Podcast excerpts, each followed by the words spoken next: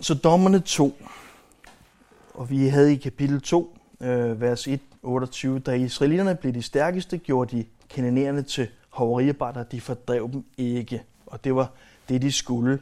Der er måske perioder i vores liv, hvor vi simpelthen ikke er stærk nok til at overvinde øh, synd, eller en vane, eller øh, bare en lille påvirkning i vores liv. Men hvad gør vi så, når vi er stærke nok? Det er det, der er det spændende. Det er der, man kan se, hvad for en valg vi tager, hvad for en valg vi har taget. Går vi til kamp mod de ting, eller tænker vi, det er irrelevant, øh, eller øh, det er faktisk noget, jeg kan bruge, for jeg er stærk nok til at kontrollere det, så det kan berige mig, eller jeg kan, jeg kan bruge det. Da israelitterne ikke fik øh, udryddet de folk, de skulle udrydde, fik det konsekvenser for dem senere. Og det læser vi om gennem hele resten af Gamle Testamente. De bliver en plage for Israel, de folk, de folk, de skulle udrydde. Synd har konsekvenser også i vores liv. Dommerbogen kan vi opdele. Jeg kan bedst lige opdele ting i få dele, så, så, det, så jeg selv kan have et overblik. Så lad os sige tre dele. Vi har første del, det er Israels ulydighed. Og det er fra kapitel 1, vers 1 til 3, 6. Så det er Israels ulydighed. Det er ligesom introen til, øhm, til hele dommerbogen. Anden del, det er Gud, der oprejser dommere. Og det er kapitel 3, vers 7 til 16, 31. Det er altså øh, de her dommere i de her øh, syv bølger af, øh, af den her cyklus af, af synd, frafald, omvendelse og, og Gud, der oprejser dommer. Husk, vi taler om de her shafat, altså dommer, som betyder eh, mere en held eller en leder, eller en dommer, som, som vi kender det. Men oftest en slags heroisk leder, en der, der, øh, øh, der kæmper for Israel.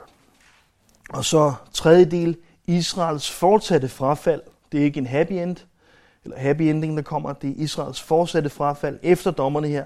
Øhm, kapitel 17, vers 1 til 21, 25.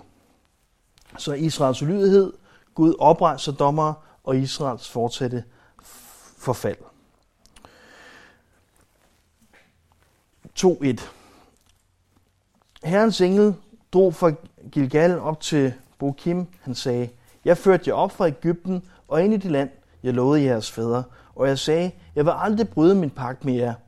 Og I må aldrig slutte pagt med dette lands indbyggere. Deres aldre skal I rive ned, men I adlød mig ikke. Hvad er det dog, I har gjort?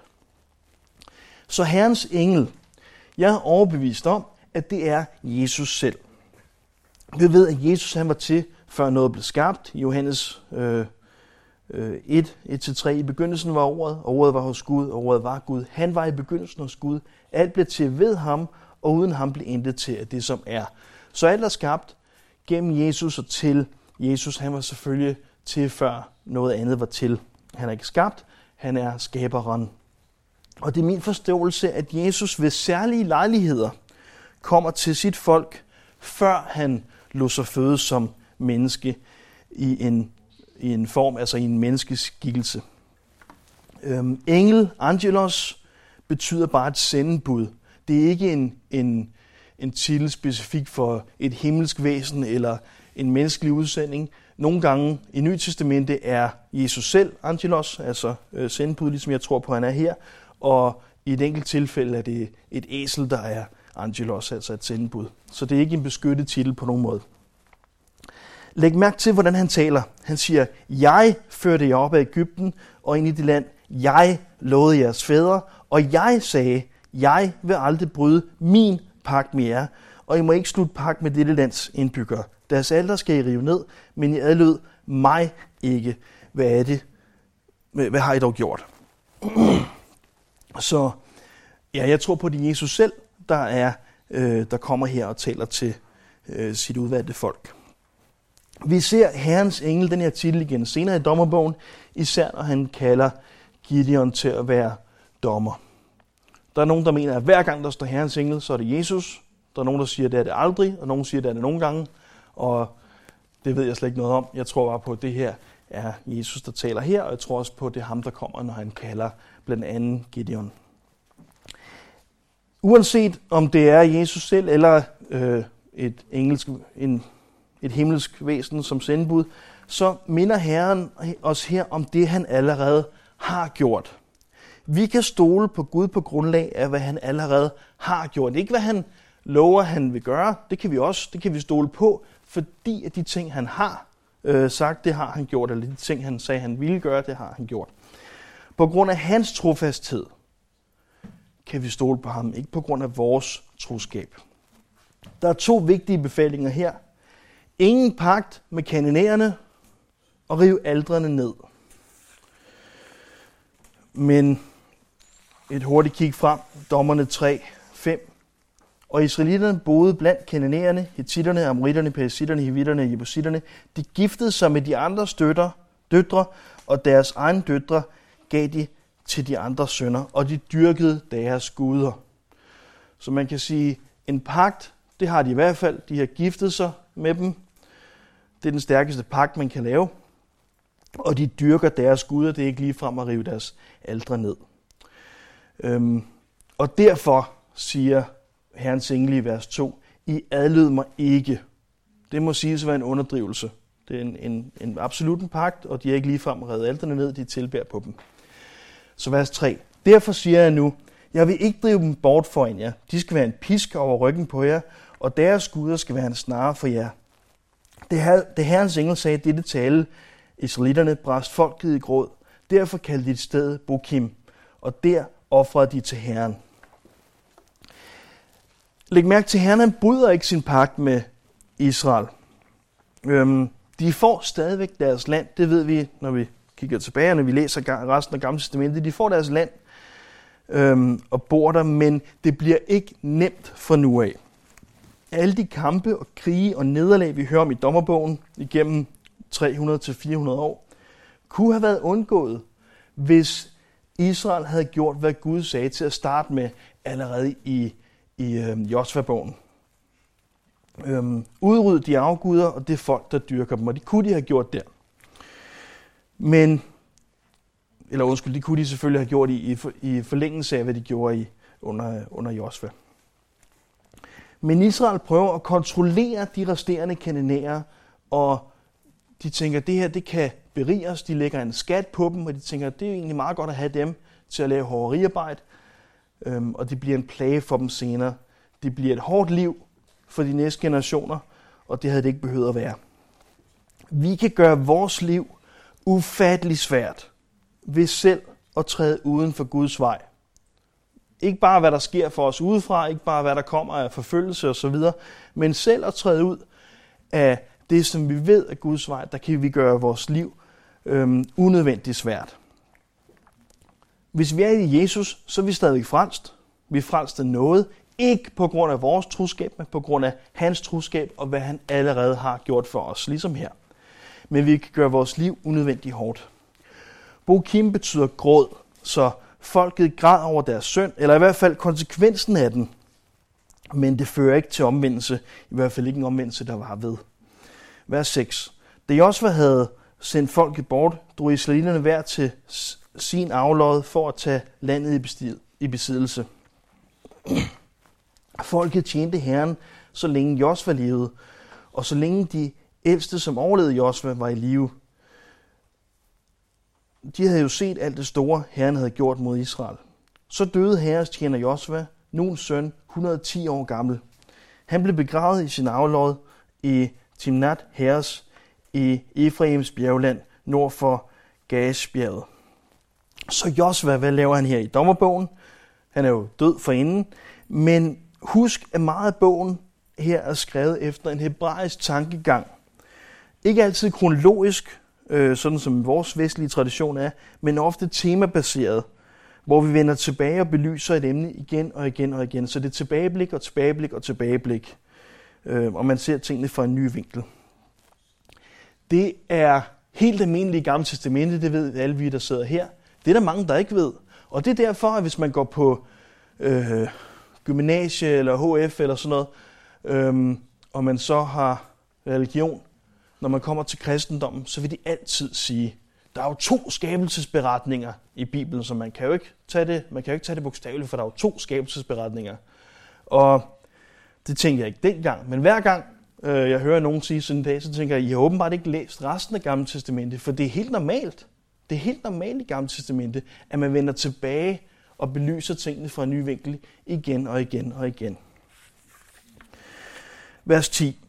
Hele det slægtled gik til deres fædre, og efter dem kom et nyt slægtled, som ikke kendte Herren og det, han havde gjort mod Israel. Nu gjorde israelitterne, hvad der var ondt i Herrens øjne, og dyrkede balerne. De svigtede Herren, deres faders Gud, som havde ført dem ud af Ægypten. De fulgte andre guder, guder som folkene rundt om dem dyrkede. De tilbad dem og krænkede Herren.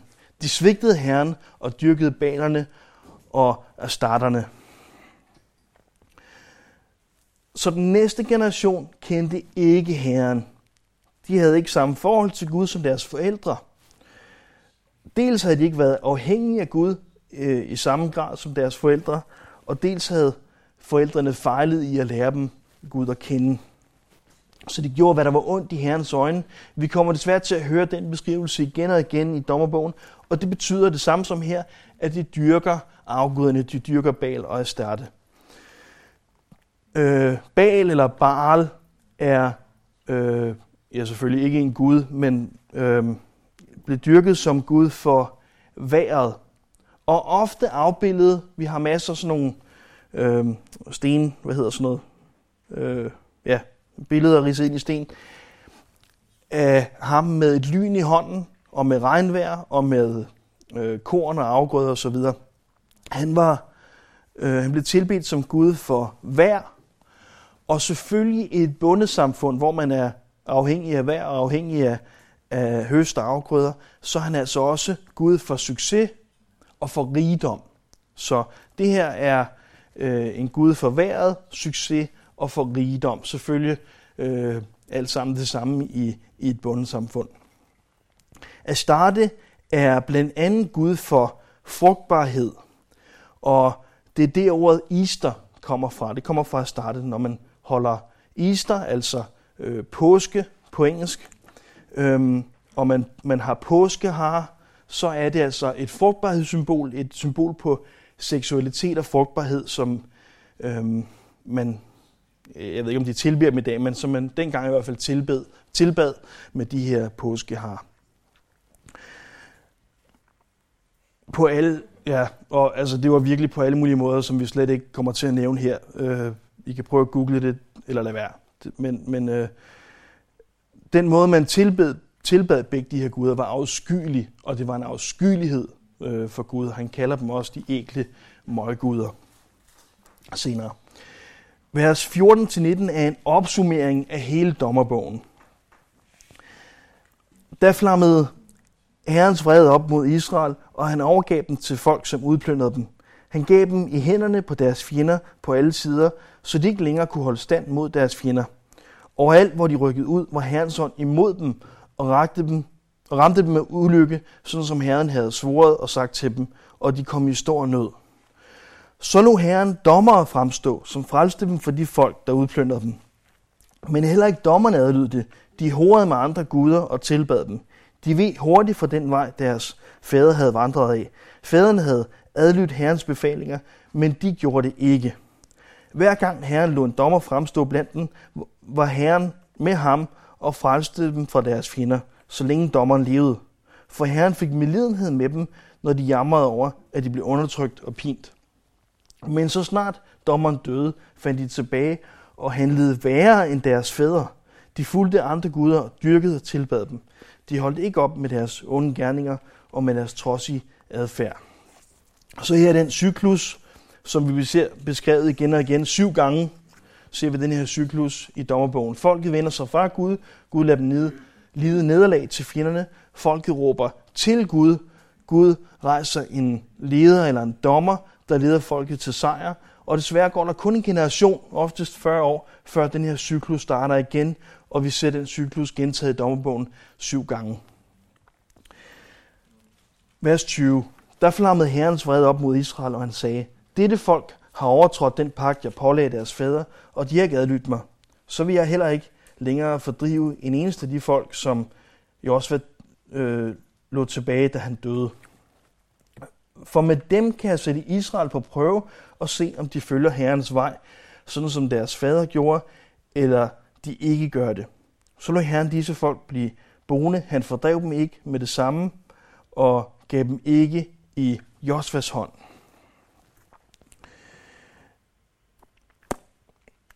Vi læser videre i kapitel 3, og så tager vi resten af denne her del. Så de seks første vers. Så kapitel 3, vers 1. Det er da de folk, som Herren lå blive boende, for med dem at sætte øh, alle de israelitter på prøve, som ikke havde, været, som ikke havde oplevet krigene mod Kanaan. Det gjorde han kun for at oplære israeliternes kommende slægter til krig, som de jo ikke tidligere havde oplevet. Det er de fem filisterfyrster, alle kananæerne og sidonitterne, samt hivitterne, der bor i Libanons bjerge, fra Baal Hermonbjerget til øh, Lebo Hamat. De var der for, at han med dem kunne sætte israelitterne på prøve, så de kunne vise, om de adlød de befalinger, Herren havde givet deres fader gennem Moses. Og israelitterne boede blandt kananæerne, hititterne, amoritterne, perisitterne, hivitterne og jebusitterne. De giftede sig med de andre støtter, døtre, og deres egne døtre gav de til de andre sønner, og de dyrkede deres guder.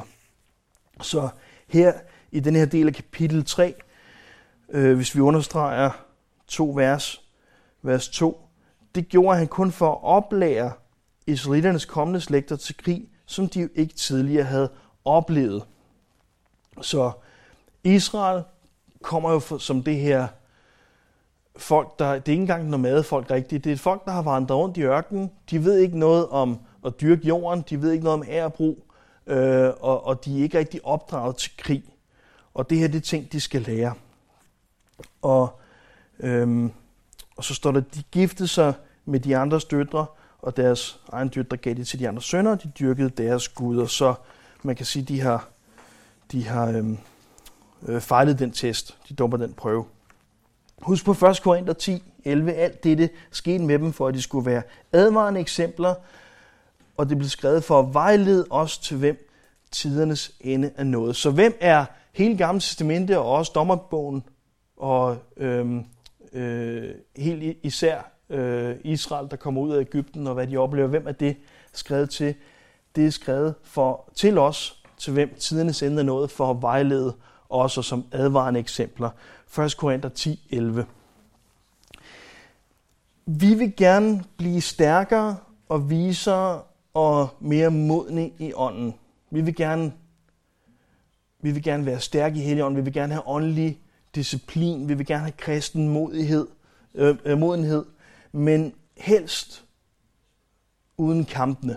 Der er ikke nogen af os, jeg har i hvert fald ikke lyst til at stå og skulle kæmpe hver dag. Jeg vil gerne være stærk og i herren og så videre, men jeg har ikke lyst til de her kampe hver dag. Vi vil gerne være stærke i Herren, men helst undgå situationer, hvor vi er afhængige af ham alene.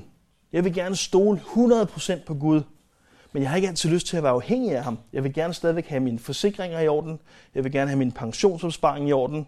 Og jeg kunne godt tænke mig, at min kone Abby også havde et job, så hvis jeg mister mit, så kan vi beholde huset. Men jeg vil, gerne, jeg vil rigtig gerne stole 100% på Herren. Øhm, ja, jeg har bare ikke lyst til at være i en situation, hvor jeg er fuldstændig afhængig af ham. Men Herren, han bruger kampen til at forme os. Han bruger vores succes og vores nederlag til at forme os, og han bruger afhængighed af ham til at hjælpe os til at stole på ham, til at lære os at stole på ham. Så det her det er noget, Israel skal igennem for at lære at kæmpe, og det er noget, de skal igennem for at stole på ham. Min søn Samuel, han lærte at gå for et par måneder siden. Han ventede til vi var i USA, og så begyndte han bare at løbe derudad. Og det er et fuldtidsjob for Abby og mig at flytte farlige ting, han kan nå. Især når vi var i et hjem, i USA, hvor der ikke var nogen børn og vi ligesom ikke rigtig havde gjort det klar. Så der var, der var knive og ovne og farlige dyr. Sådan en kat, det er noget af det værste, man kan, man kan komme i nærheden af, og en hund. Men øhm, det var et fuldtidsjob at flytte ting og, og holde, øh, sparke den der kat væk, når den kom for tæt på, og være klar til at gribe Samuel, når han faldt, og så fjerne alt det legetøj, han havde lagt øh, foran, han kunne falde i. Og, og det gjorde vi, det gør vi også her. Jeg sparker alle mulige legoklodser væk foran ham og øh, holder ham væk fra, fra pillefyret og så videre. Øhm, men på et tidspunkt, så skal han lære selv at takle forhindringerne. På et tidspunkt, så skal han lære, at jeg ikke er der til at sparke de her ting væk og, og, og sparke til katte og så videre. Og så, så, må han, så må han selv klare de her forhindringer. Og sådan var det med Israel. Tidligere så vi Herren gå i kamp for Israel og drive folk ud foran Israel. Gennem hele Josefbogen så vi det. Men sådan bliver det ikke nu. Israel er ved at blive formet som nation. Det her er, er hvad skal man sige, starten af Israel som nation, der hvor de bor. Og Gud han former dem til blandt andet krigsførelse. Og han bruger konsekvensen af deres synd til at forme dem, sådan som han vil forme dem. Gud han kan bruge konsekvensen af din synd til at forme dig til det, han vil. Gud han kan forme dig til det, han vil, så længe du vil lade dig forme. Og nogle gange, så vil jeg ikke lade mig forme, nogle gange vil du ikke lade dig forme, og så træder vi ud af hans vilje og giver op.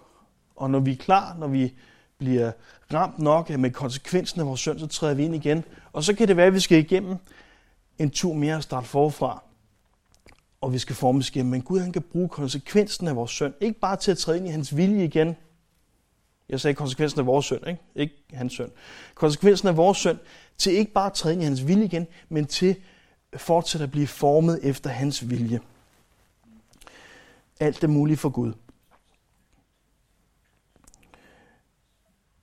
Men det kræver, at du omvender dig. Det kræver, at du træder ind i hans vilje igen.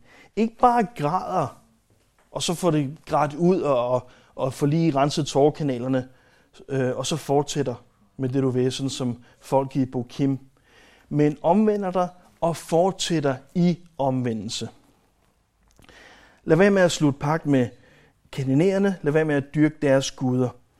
Hvorfor skulle kandinerende udryddes? Vi ved fra arkeologiske udgravninger, af kandinerende på Josvas tid og øh, selvfølgelig på dommertiden nærmest var den dimensionale modsætning af, hvad Gud kaldte Israel til at være, hvad Gud han ville forme Israel til at være. Så, så Gud ville forme Israel til at være et folk for ham med nogle bestemte regler og en bestemt øh, livsstil. Og kananererne var faktisk nøjagtigt det modsatte af det. I deres religiøse ritualer indgik øh, nedværdigende seksuelle handlinger, øh, børneoffringer. Børn blev tilsyneladende levende begravet ved fundamenter af øh, templer og bygninger. Så man har altså fundet de her krukker, hvor øh, børn har været levende begravet øh, ved deres templer, så det har været en form for deres afgudstyrkelse at, at begrave deres børn levende. Øhm, og, og det er en af de ting, som er afskyelig for Gud. Og det er en af de ting, han, han, øh, han, han ikke kan lide selvfølgelig. Og det er en af årsagerne til, at kananerne skulle udryddes. Selvfølgelig var det berettiget at udrydde dem. Man kan nogle gange tænke, hvordan kan Gud sige, at det hele det her folk skal udryddes? Det vil han jo ikke sige, hvis ikke det var berettiget. Selvfølgelig er det berettiget. Det må ikke overraske os, når vi finder ud af, at det folk var øh, nogen, der fortjente at, at blive udryddet. Øh, var kulturelt overlegne med hensyn til byggeri, med hensyn til keramik øh, og øh, landbrug. Så man ved at fra alt det keramik, man har, og, og de bygninger, de havde, de var langt foran is, øh, israelitterne. Selvfølgelig var de det. Israelitterne havde gået rundt i ørkenen i, i 40 år og vidste ikke noget om at bygge bygninger. Øh, Kananernes afguder baler og Starte, øh, øh, guderne for vejr og, og, og frugtbarhed, blev dyrket gennem de her seksuelle handlinger og, og andre ting. Og det er ikke svært at forstå, hvordan Israel kunne blive forledt. De kom fra det her øh, vandringsfolk eller nomadefolk uden erfaring i at dyrke jorden, og så til at skulle være bønder i, i de områder, de indtog. Og de har selvfølgelig set, hvordan øh, kanadierne bare sad med at dyrke jorden, hvad for nogle metoder de brugte. Men deres landbrugsmetoder var blandet med perverterede og morderiske religiøse ritualer. Så når man skulle gøre jorden frugtbar, så gjorde man det blandt andet gennem seksuelle orgier, og øhm, øh, man brugte vist også nogle børn igen. Men øhm, Det er Israel selvfølgelig ikke til, kaldet til at følge, til at, at følge deres eksempel, men det har ganske givet været svært at, at skille ad, især når man så også øh, gifter sig med dem. Så det her det bliver altså øh, en del af, af mange af de israelitter, der, der, øh, der ser på den kultur. Men sådan havde det ikke været, hvis de havde udslettet og fordrevet kananæerne, sådan som Herren befalede. Gud han vidste, at det folk ville blive en kraftsvulst for Israel, som vi også øhm, læser i 5. Mosebog 20, 18. De må ikke lære jer at gøre alle de afskyelige ting, som de dyrker deres guder med, så I sønder mod Herren jeres Gud. Det var lidt kortere sagt. Lad os ikke miste indlysende. Herrens engel siger i vers 1, Jeg førte jer op fra Ægypten og ind i land, jeg, jeg lovede jeres fædre. Så faderne eller forældregenerationen blev ikke ført ind i det land. Øhm, efter 40 år i ørkenen, hvor Gud rensede afgudstyrkelsen ud af dem, var det kun Josfa, Kaleb og så den nye generation, der kom ind. Så den her generation, der ikke har afgudstyrkelsen fra Ægypten med sig, og som har lært at stole på Herren og vandret med Herren helt bogstaveligt hele deres liv. Og så to mænd, der var, der var værdige. De kommer ind i det nye land. Så øhm, Gud lærer, lover deres fædre det her land, men, men først i den næste generation er der renset ud i afgudstyrkelsen fra Ægypten nok til, at, at det her folk kan komme ind i det nye land. Og jeg tror, en del af budskabet er, at når Gud gør så meget ud af at rense afgudstyrkelsen ud af sit udvalgte folk, altså venter til hele den generation stort set er væk, så er det nok hverken meningen eller en god idé at adoptere kananæernes religion, når man så kommer ind i det nye land. Det er rimelig logisk, og det, det er meget det, vi læser om her. Vi er kaldet til at være i verden, men ikke af verden og ikke tage del i verdens afgudstyrkelse. Og der er masser af afgudstyrkelse. Øh, Baal, eller Baal, øh, guden for vær og succes og rigdom. Succes og rigdom er noget, vi alle sammen kan komme til at tilbe i en eller anden form. Frugtbarhed, behøver jeg sige det, seksualitet, det er noget, vi alle sammen kan dyrke. Øhm, de her ting, det er nogle ting, som verden dyrker og sætter en ære i at dyrke, og vores omgangskreds sætter en ære i at dyrke. Det er noget, vi er kaldt til at holde os fra. 2. Korinther 6:14, Træk ikke på samme hamle som de vantro, for hvad har retfærdighed med lovløshed at gøre, eller hvad har lys til fælles med mørke? Og Romerne 12:2, tilpas jer ikke den verden, men lad jer forvandle ved at sindet fornys. Så ikke træk på samme hamle, ikke tilpas os den her verden, vi kan være ulydige over for de bud. Vi kan, vi kan vælge at, at øh, gå samme vej som verden, og, og endda stadigvæk blive frelst af Guds nåde.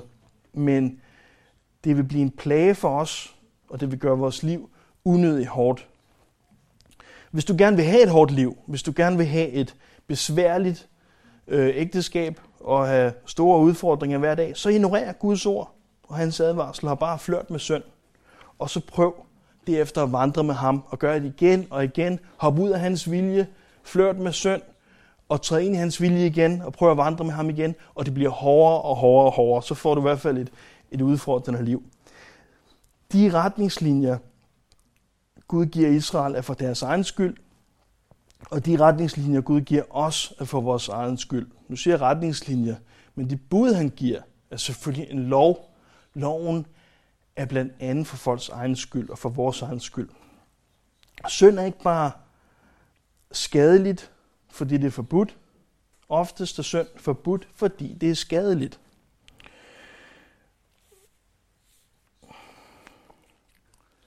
Så hvad gør vi, når vi er stærke nok?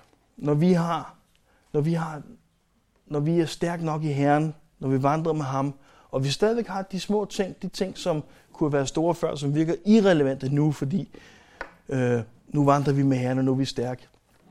Det er der, vores beslutning viser sig. Det er der, at vi kan se, hvem vi tilhører. Det er der, vi kan se, hvad for en valg vi, vi tager, hvad for en valg vi har taget.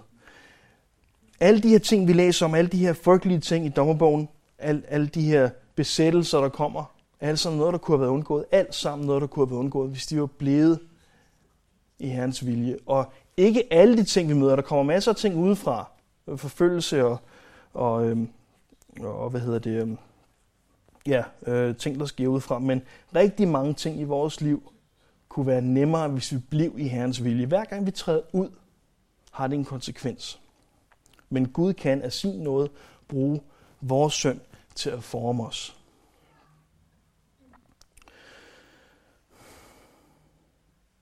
Tak, Jesus, for alt, hvad du har gjort for os. Tak, for du, tak fordi, at du vil os. Og tak, fordi, at du er trofast selv, når vi træder ud af din vilje her. Her vi læser om, hvordan du blandt andet brugte 40 år på at, at udrense al afgudstyrkelsen af Israel, og så vendte de sig til afgudstyrkelsen, når de kom ind i, i det nye land her. Vi kan ryste på hovedet af det, men du peger på ting i os selv. Vi beder dig, at du vil arbejde videre gennem os, at du vil pege på aspekter i vores liv, hvor vi skal rense ud, hvor vi skal gøre op her. Vil du hjælpe os til at blive dit ord her? Vil du hjælpe os til at, at høre, hvad du har at sige øh, i ugen, der kommer her, og, og i dagene, der kommer gennem dit ord til os, Jesus? Vil du tale til os, og vil du hjælpe os til at, at lytte, hvad jeg? Amen.